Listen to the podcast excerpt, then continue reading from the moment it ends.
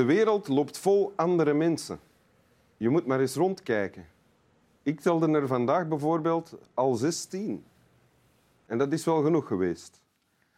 Tijd nu voor een gesprek met in het midden, bij wijze van coronabuffer, Swami Bami, de hond, eh, geflankeerd door de mensen die schuilgaan achter de namen Wim Helsen en Caroline de Bekker.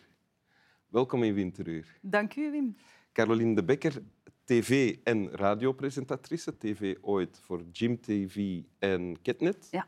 Maar voornamelijk radiopresentatrice bij Studio Brussel. Eh, Radio 1, binnenkort Radio 2. Noem maar op. M&M. M&M. Correct, hè? Nu nog Clara en ik kan met pensioen. hè. Ja, maar eerst Radio 2, dat is Ja. het volgende. Hè? Want Ja. Je gaat daar een programma maken over emotionele intelligentie. Ja, tips en tricks om met de hobbels van het leven om te gaan.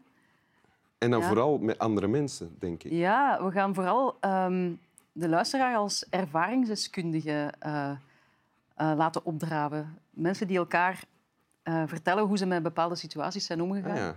Ook wel experts, maar ehm, de meeste expertise komt toch wel vaak vanuit ervaringen zelf. hè.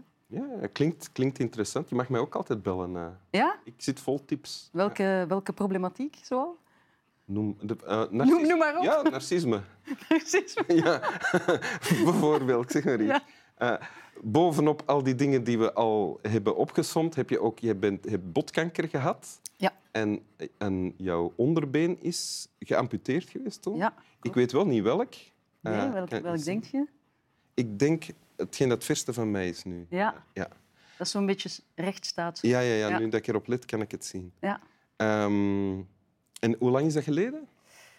Ah, ik was 18, dus ehm, eh, 23 jaar geleden. 23 jaar Ja. geleden. Dus je hebt al een heel volwassen leven achter de rug sinds dat Ik heb, dat ik heb al langer een prothese dan ik er geen had. Ah ja, Ja, oké. En je hebt een tekst bij, wil je die voorlezen? ja zeker. Daar hoopte ik al op. Ik ben wel benieuwd hoe dat je er zelf naar gaat kijken. Hè? Mhm. In de vloedlijn, pootje te baden, stond een vrouw met één bil. Ze keek in het drukke strandgewoel naar de zee alsof er niets aan de hand was en vertoonde dus één bil. Uiteraard keek ik er van vreemd op. Al even vreemd was dat ik zo te zien de enige was die het zag. Waar zich de tegenhanger van de ene bil had moeten bevinden, bevond zich niets. Beter gezegd, in plaats van de spoorloze bil zag ik het blauw, de golfjes, kortom het voorkomen van een kalme zomerse zee. Het was alsof ik dwars door iets keek wat er niet was, maar er merkbaar had moeten zijn. Een fantoom kijken.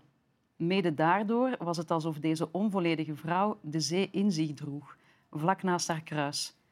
Hoe ontregeld ik het gezicht ook vond, ik was tegelijk, tegelijk meteen hevig ontroerd door dit wonderlijke samengaan.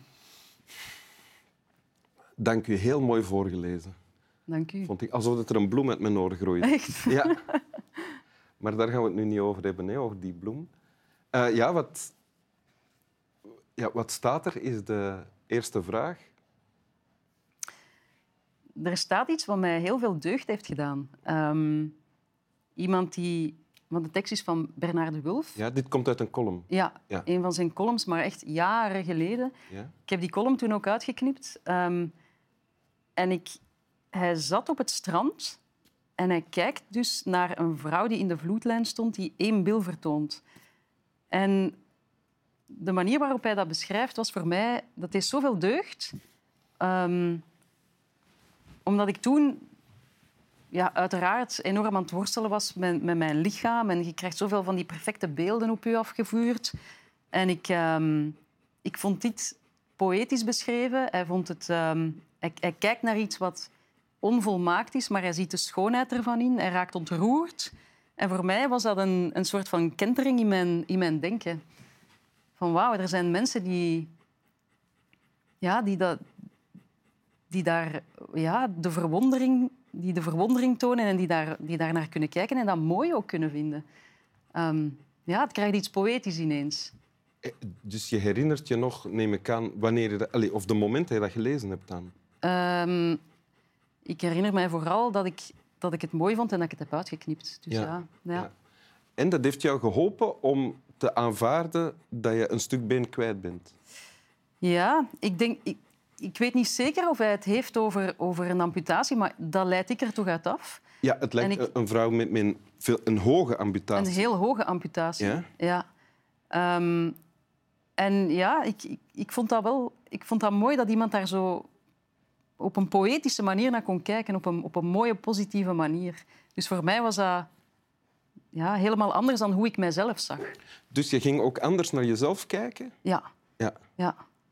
Omdat, ja, ik- denk dat, dat heel veel mensen, enfin, vooral mensen met een beperking, ten eerste zie je het heel weinig in het straatbeeld, je leest er weinig over, je ziet het heel weinig in de media. Beeldvorming is ja, onderbelicht. En als iemand er dan op zo'n mooie manier over schrijft, dan, dan denk je, ja, misschien is het toch allemaal niet zo erg. Mhm.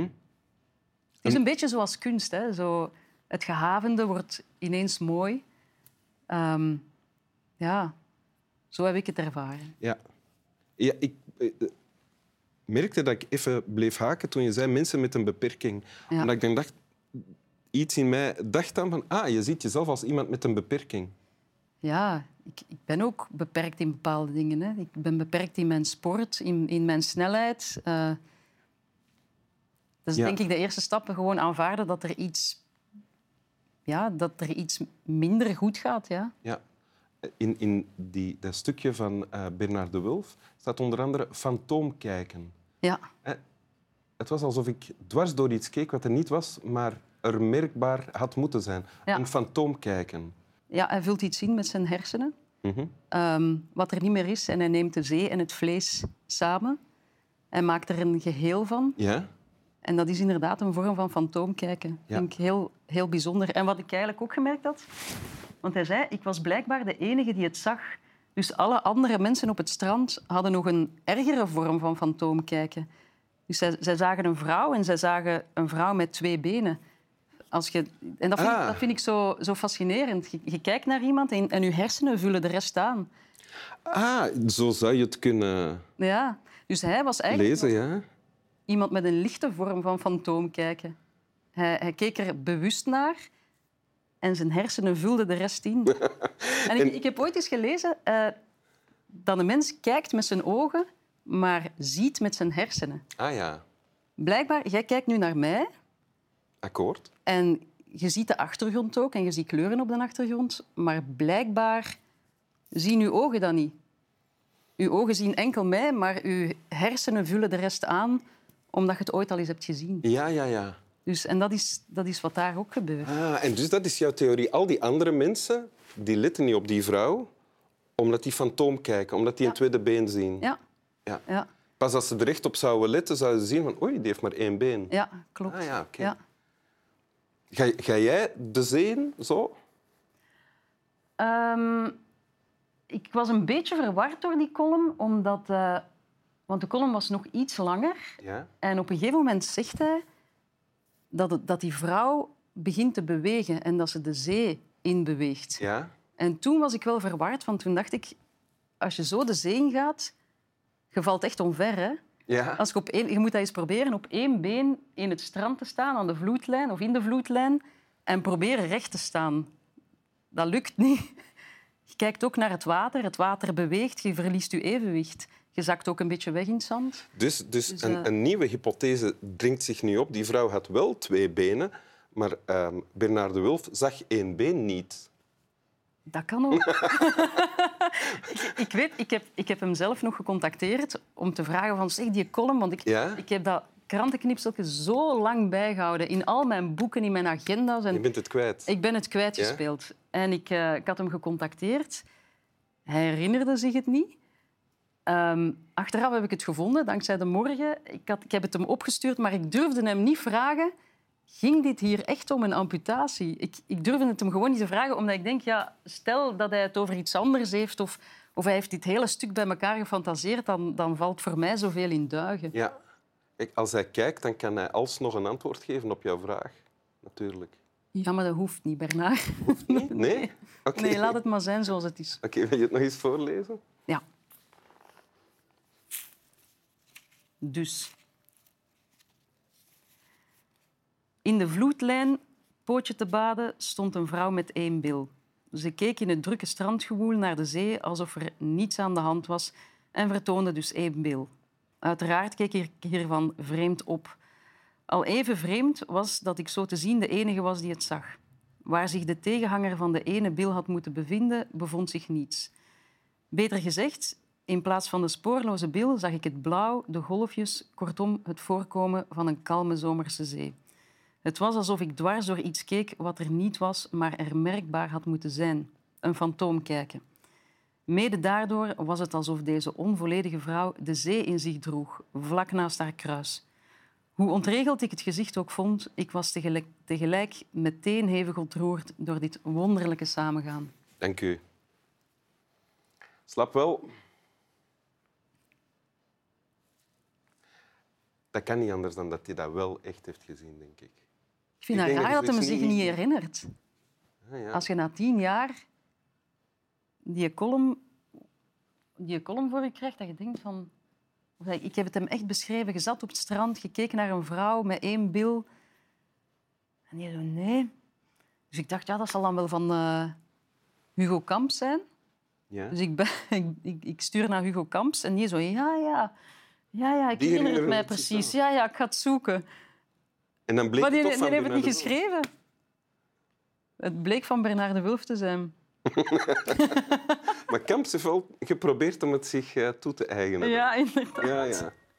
Zo kennen we hem, de Kamps. Hmm.